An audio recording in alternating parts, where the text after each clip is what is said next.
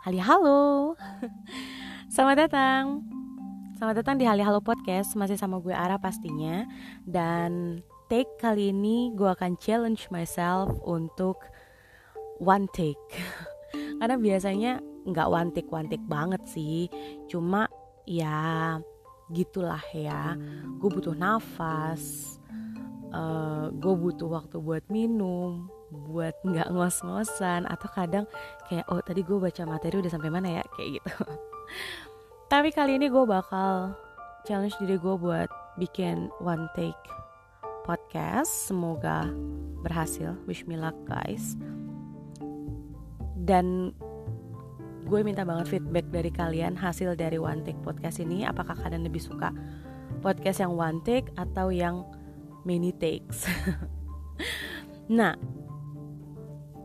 By the way, gimana kabar kalian di minggu ke dua bulan November? Wah, udah minggu kedua bulan November ya guys. Kayak tahun ini tuh nggak kerasa banget, bener-bener time flies gitu kayak wah tiba-tiba udah udah Agustus, wah tiba-tiba udah udah September, Oktober, November sekarang. Tinggal satu bulan lagi sampai ke penghujung tahun. Dan apa yang mau gue bahas kali ini itu sebenarnya nggak ada hubungannya sih sama bulan November dan sama intro yang tadi gue ceritain sama kalian. Cuma materi yang akan gue bahas hari ini tuh pasti pernah kalian alamin khususnya di dalam sebuah hubungan. Entah kalian yang menjadi korban atau kalian bahkan yang menjadi pelakunya. Iya, posesif. Kalian yang pernah ada di dalam suatu hubungan pasti pernah dong diposesifin atau bahkan kalian yang menjadi posesif karena kalian sayang banget sama seseorang. Hari ini gue bakal bahas penyebab kenapa kita bisa jadi posesif, terus juga ciri-ciri posesif tuh kayak apa sih? Apakah kalian termasuk orang yang posesif atau tidak? Dan yang terakhir gue juga bakal bahas beberapa tips yang mungkin bisa nanggulangin over posesifnya kalian itu. Nah, sebelum gue lanjut, coba deh tanya sama diri kalian sendiri. Apakah memang posesif itu necessary dalam sebuah hubungan? Hmm, dari kultur berpacaran di Indonesia ya atau kultur berhubungan di Indonesia memang agak sedikit berbeda. Karena kebetulan um, gue juga sedikit banyak tahu tentang kultur hubungan uh, di katakanlah di Eropa di luar negeri lah tidak di Indonesia dan memang ada perbedaan yang cukup signifikan terutama tentang cara berkomunikasi dan juga kepercayaan terhadap pasangan. Ya, dua poin ini nih sebenarnya poin yang sangat penting banget dalam sebuah hubungan. Nah, dua poin ini juga sebenarnya berkaitan erat dengan posesif di Indonesia di kita budaya kita banyak orang yang masih merasa suka diposesifin. Banyak orang yang ngerasa kalau posesif itu termasuk ke dalam sign of love cara nunjukin kalau kita sayang sama orang. Termasuk dengan posesif which is berarti kita kayak scare of losing someone gitu. Kayak oh berarti sayang banget sampai takut kehilangan gitu kan? Dan posesif itu juga diamini oleh kita karena kita merasa berhak sebagai pasangan dari pasangan kita. Gimana sih? Sebagai pasangan. Nya gitu. Kok gue bingung sendiri sih? Nah tapi yang harus kalian ketahui adalah bahwa we are human. We are not a property. Jadi kita tuh kan manusia. Manusia itu tidak memiliki manusia lainnya. Also bahkan um, kepemilikan manusia itu sebenarnya bisa melanggar yang namanya hak asasi. Seperti itu. Karena manusia itu makhluk yang makhluk yang bebas. Jadi kita tuh nggak berhak atas orang lain. Even anak ataupun orang tua kita. Makanya sekarang juga ada kayak uh, hak asasi anak ya kan? Padahal mungkin kayak anak kan juga bagian dari diri kita. Tapi sebagai manusia kita tuh adalah um, individu yang bebas. Nah masalahnya yang menurut gue agak salah dari sistem bukan sistem sih dari the way we apa ya the way we we show our love to our um, beloved gitu kan itu adalah dengan cara mengkontrol. Padahal itu tuh salah banget sih. Kayak gitu. Nah coba deh kalian kalian prediksi lagi apakah memang cara kalian menunjukkan perasaan termasuk ke dalam kadar yang sudah posesif atau cuma sekedar jealousy biasa kayak gitu. Karena kalau misalnya sudah posesif jatuhnya sudah sudah sudah toxic relationshipnya, ya kan? Karena dalam suatu hubungan di negara kita itu seperti apa ya? Seperti seolah-olah ada di fairy tale gitu kayak yang oh you belong to me I belong to you gitu kan kita tuh nggak be bener-bener ready kalau something goes wrong dalam hubungan ini. Jadi biar nothing goes wrong makanya kita mau take control of everything. Kayak gitu. Itu adalah penyebab atau bisa jadi asal muasal kenapa kita mulai posesif terhadap pasangan kita. Beberapa ciri-ciri posesif itu bisa kita lihat dari cara kita mengkontrol pasangan kita dengan teks bombing misalnya. Kayak gak dibalas sekali, kita ngeliat dia online, kita bombing dia dengan teks. Kita kirimin dia teks banyak sampai berkali-kali. Entah itu cuma ping ping ping ping ping gitu. Atau misalnya cuma kamu lagi ngapain sih? Kok kamu nggak balas sih? Kamu kenapa? Aku salah ya? Dan bla bla bla bla bla itu sudah menunjukkan kalau we are trying to control pasangan kita dan ini termasuk dalam satu salah satu ciri-ciri dari posesif. Jadi kalian harus hati-hati. Karena dari awal mula controlling ini kita bisa manipulating pasangan kita. Kita bisa mulai sedikit demi sedikit tanpa kita sadari mungkin ya. Kita memanipulasi pasangan kita. Memanipulasinya dengan apa sih? Misalnya kita mulai menunjukkan kalau kita nggak suka atas sesuatu yang dia lakukan. Aku nggak suka deh kamu begini aku nggak suka deh kamu gini. Awalnya sih cuma sekedar um, apa ya mengemukakan pendapat ya kan? Tapi lama-lama kayak ada ancaman-ancaman kecil ya udah deh terserah kalau kamu maunya kayak gitu misalnya atau misalnya kayak oh kamu main sama teman-teman kamu aku juga bisa kok main sama teman-teman aku nah kita sudah tidak hanya controlling tapi kita juga diikuti su sudah diikuti oleh request-request yang memberatkan pasangan kita. Jatuhnya sudah memanipulasi hubungan atau manipulating. Yang nantinya to the next step itu kita bahkan bisa cutting off friends atau family yang kita nggak suka.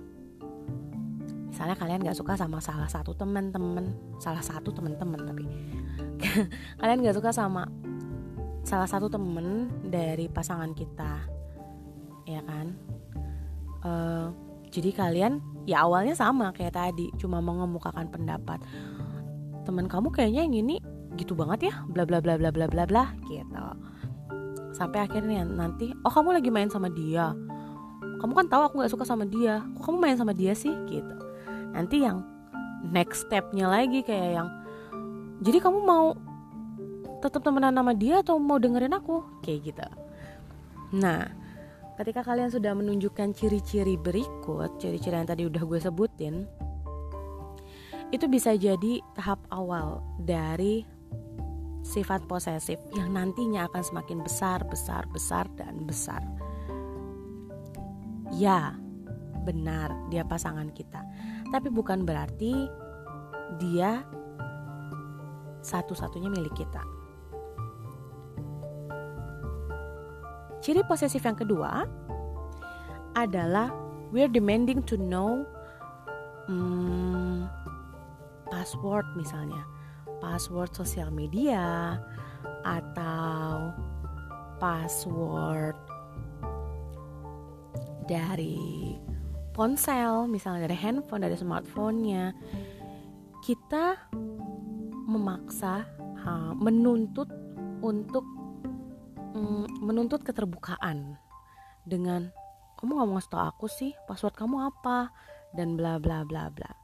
Nah ternyata keinginan keingintahuan kita atas se segala sesuatu yang bersifat pribadi seperti password yang tadi sudah gue sebutkan itu itu juga termasuk salah satu ciri kalau kita tuh termasuk orang yang posesif.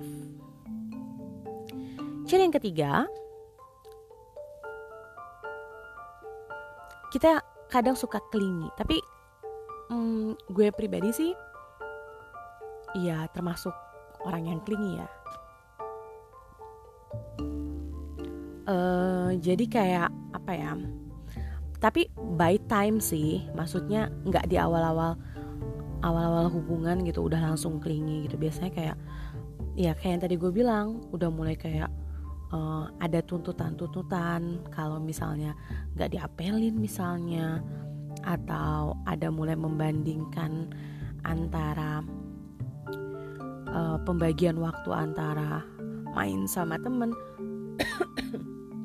sorry main sama temen atau kapan waktu dengan kita.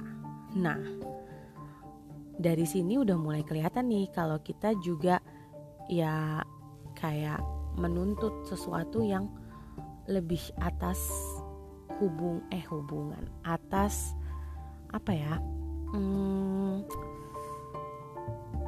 atas sebenarnya itu jadi itu adalah hak pasangan kita. Dia mau uh, berteman dengan siapa dia mau membagi waktu proporsinya seperti apa sebenarnya itu haknya dia. Cuma kita sudah mulai um,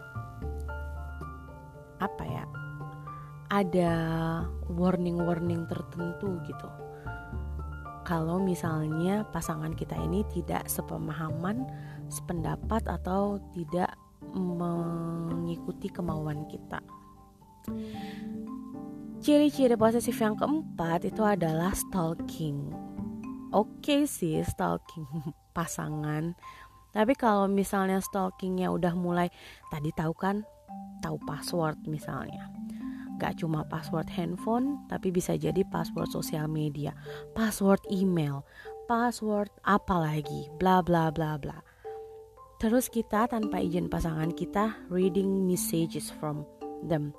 Ya sih memang ada beberapa case yang bisa menemukan um, apa ya perselingkuhan dari um, message message seperti itu. Tapi coba deh belajar percaya sama pasangan kita. Karena it's okay kalau kalian um, jadi agak sedikit posesif karena dia pernah melakukan kesalahan di masa lalu. Tapi kalau kayak kalian punya hubungan yang baru, coba deh belajar percaya ke pasangan kita. Kasih mereka kepercayaan, kasih mereka amanah.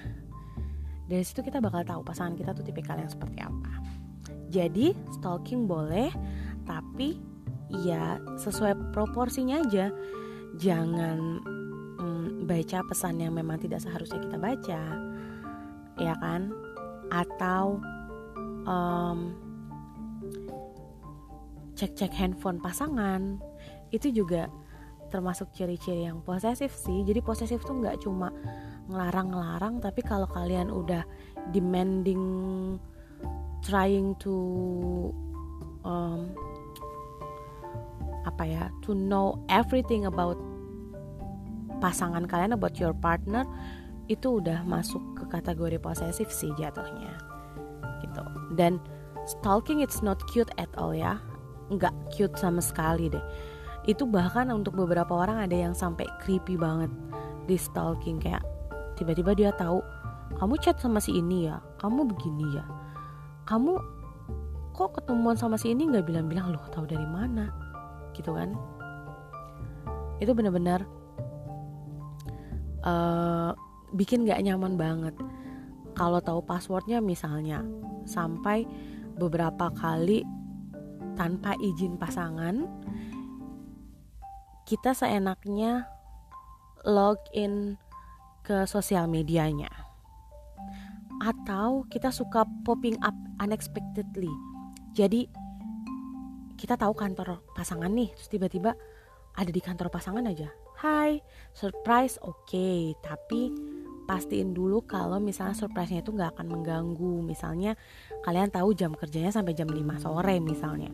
Terus kalian popping up-nya sekitar jam 3 atau jam 2 nanti kalau kalian dicuekin kaliannya nggak terima. Padahal itu kesalahan kalian sendiri. Kayak gitu. Jadi boleh be, uh, sesekali kasih surprise ke pasangan dengan misalnya masakin sesuatu atau uh, tiba-tiba ada di kantor jemput kalau yang cowok misalnya ya yang cowok jemput pacarnya.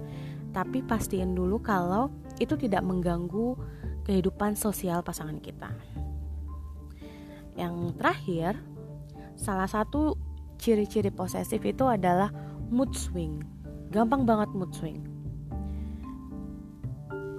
um, entah itu tentang pasangan ataupun tentang hal lainnya.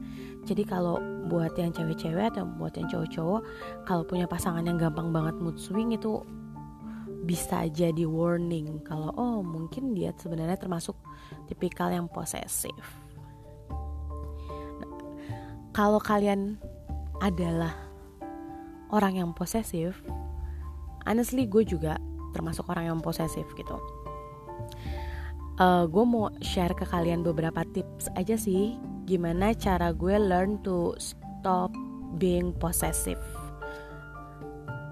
Satu-satunya cara adalah let go sih. Kayak gue beberapa kali kayak keeping distance gitu. Bukan berarti gue menjaga jarak biar jauh sama pasangan enggak. Tapi kayak yang oh ketika gue tahu pasangan gue lagi kerja dan gue lagi nggak harus kerja misalnya gue cari kesibukan lain yang bikin gue nggak nggak chat dia terus-terusan atau nggak mikirin dia. Kayak gitu. Entah gue sibuk dengan um, drama Korea misalnya atau misalnya gue sibuk dengan tugas-tugas kerjaan gue juga gitu. Tapi keeping distance aja uh, dan cari kesibukan yang bikin kalian gak cuma mikirin pasangan kalian. Lalu yang paling bukan paling penting sih, yang juga penting untuk belajar supaya nggak posesif adalah kita harus kontrol our trust issues. Jadi posesif itu kan pada dasarnya adalah krisis apa ya? Krisis kepercayaan. Jadi kita harus kontrol supaya kita punya rasa percaya yang lebih sama pasangan kita. Bisa jadi memang posesif itu diakibatkan oleh um, pengalaman di masa lalu dengan pasangan yang sebelumnya misalnya. Ya kan? Atau dari trauma-trauma. Entah itu trauma dengan pasangan atau bahkan dengan orang tua. Kita bisa menjadi sangat posesif ketika kita diposesifkan oleh orang lain. Seperti itu. Atau kita pernah dikecewakan oleh orang lain. Jadi ada dua nih opsinya. Kita pernah dikecewakan atau kita pernah diposesifkan. Jadi kita merasa kalau oh posesif is the way to apa ya to protect our beloved kayak gitu. Karena kita ngerasa kayak oh dulu gue diprotect dengan cara diposesifin. Jadi ya sekarang gue harus posesif buat nunjukin kalau gue protecting protecting him or her gitu.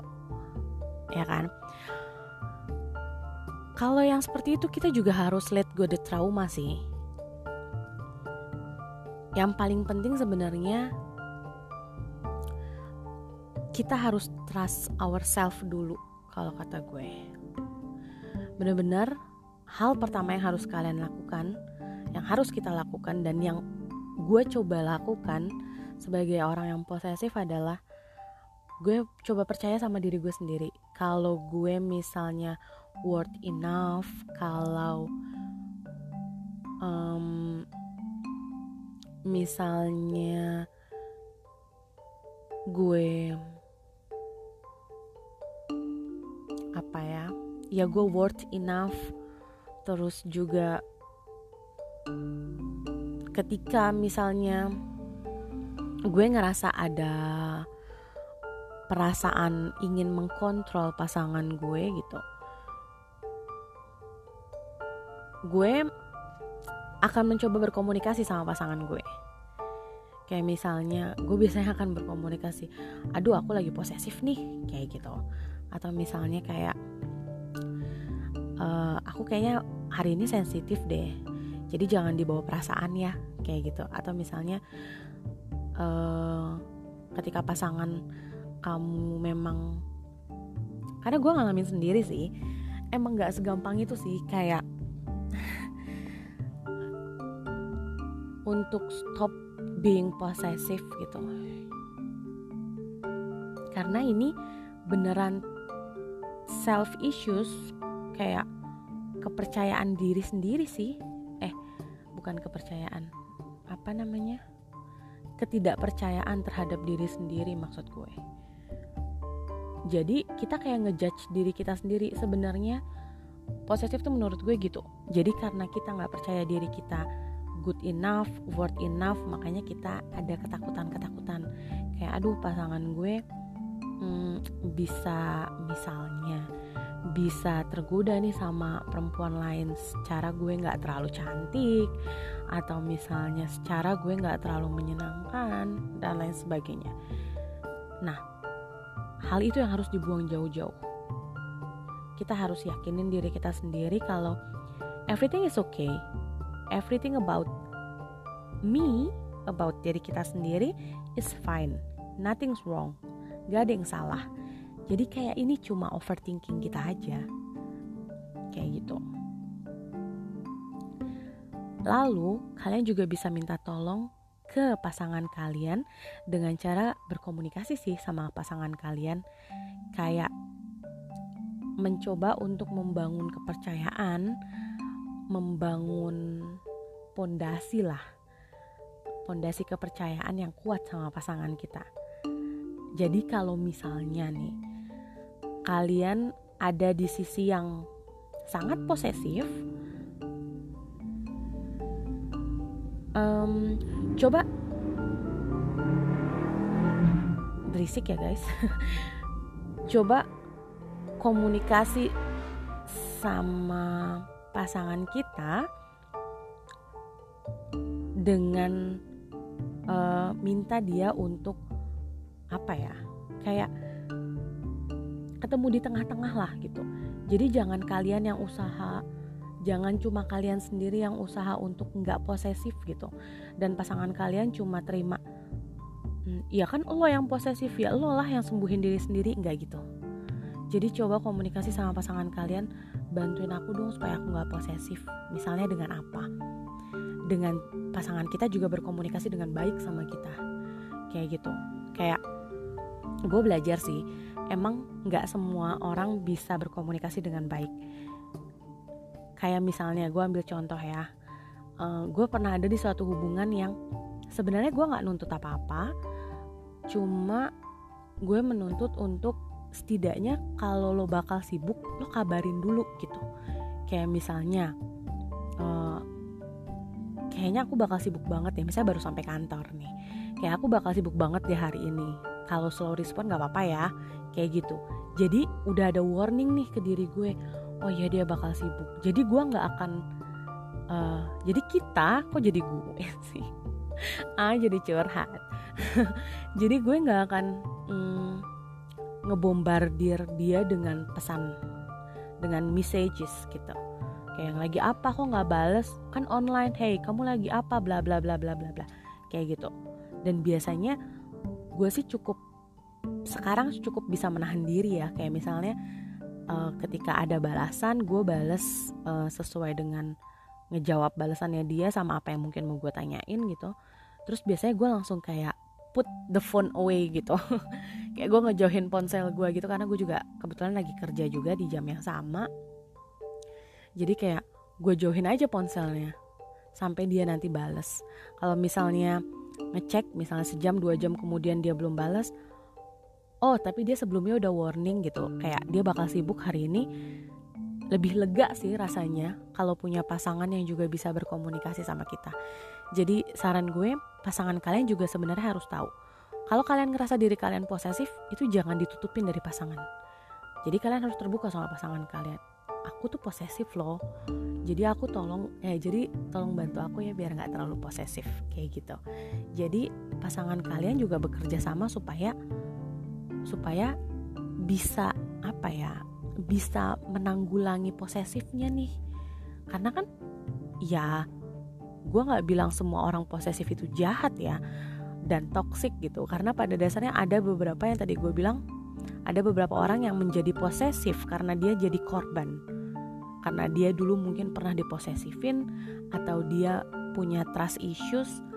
Jadi nggak semuanya yang katakanlah pasangan kalian posesif terus kayak langsung udah tinggalin. Pasangan posesif tuh tinggalin aja. No kita kan tidak ingin membuang apa ya tidak ingin membuang sesuatu yang rusak tapi memperbaiki dulu mencoba memperbaiki lah katakanlah seperti itu. Jadi kalau kalian punya pasangan yang memang posesif dan kalian tahu pasangan kalian posesif coba tolong bantu pasangannya. Coba tolong untuk berkomunikasi. Coba kalian coba berkomunikasi apa yang si pasangan perlukan dan apa yang bisa kalian bantu dan sebagai pasangan yang gak posesif kita juga harus harus kooperatif dengan misalnya hmm, kamu nggak usah kamu nggak usah mikir yang macem-macem. Aku um, apa ya misalnya aku nggak ngapa-ngapain kok gitu. Atau tanpa diminta misalnya pasangan kalian ada yang nanya e, sama siapa aja di sana ya sebenarnya kan kalian bisa ya jawab dengan A B C D gitu. Terus tiba-tiba kalian kirim foto selfie. Dari situ kan ketahuan. Kayak uh, ini loh tapi itu bukan tuntutan. Bukan berarti kalian harus selalu kirim foto atau selalu share location di mana pun kalian berada. Itu nggak perlu banget juga sih. Jadi maksudnya beberapa kali kalian juga harus kasih feedback ke pasangan yang posesif supaya dia juga sedikit demi sedikit percaya sama kalian. Kayak kalian um, set uh, apa bukan set build the trust gitu. Membangun rasa kepercayaan ke pasangan dari kedua belah pihak. Bukan cuma dari yang posesif tapi juga dari pihak yang diposesifin. Jadi jangan mentang-mentang kalian diposesifin terus kalian kayak ngerasa oh gue korban gue korban. Enggak ya karena kalian kan partner pasangan. Jadi memang sudah seharusnya saling bantu. Kayak gitu. Jadi bisa jadi bisa jadi memang kita kita nggak akan nemuin pasangan yang sempurna sih ya. Cuma ketika pasangan kita nggak sempurna kan itu juga menjadi astaga. Kok saya jadi agak emosi ya? Um, itu juga bisa menunjukkan kualitas diri kita sih ketika ada orang yang nggak sempurna tapi kita tetap uh, mencoba untuk memperbaiki bersama-sama gitu. Ya karena yang seperti tadi gue bilang nggak semua orang yang posesif itu memang toksik bisa jadi mereka juga korban dari keposesifan orang lain. Kayak gitu. Yang mana harus banget kalian bantu kalau kalian emang sayang sama pasangan kalian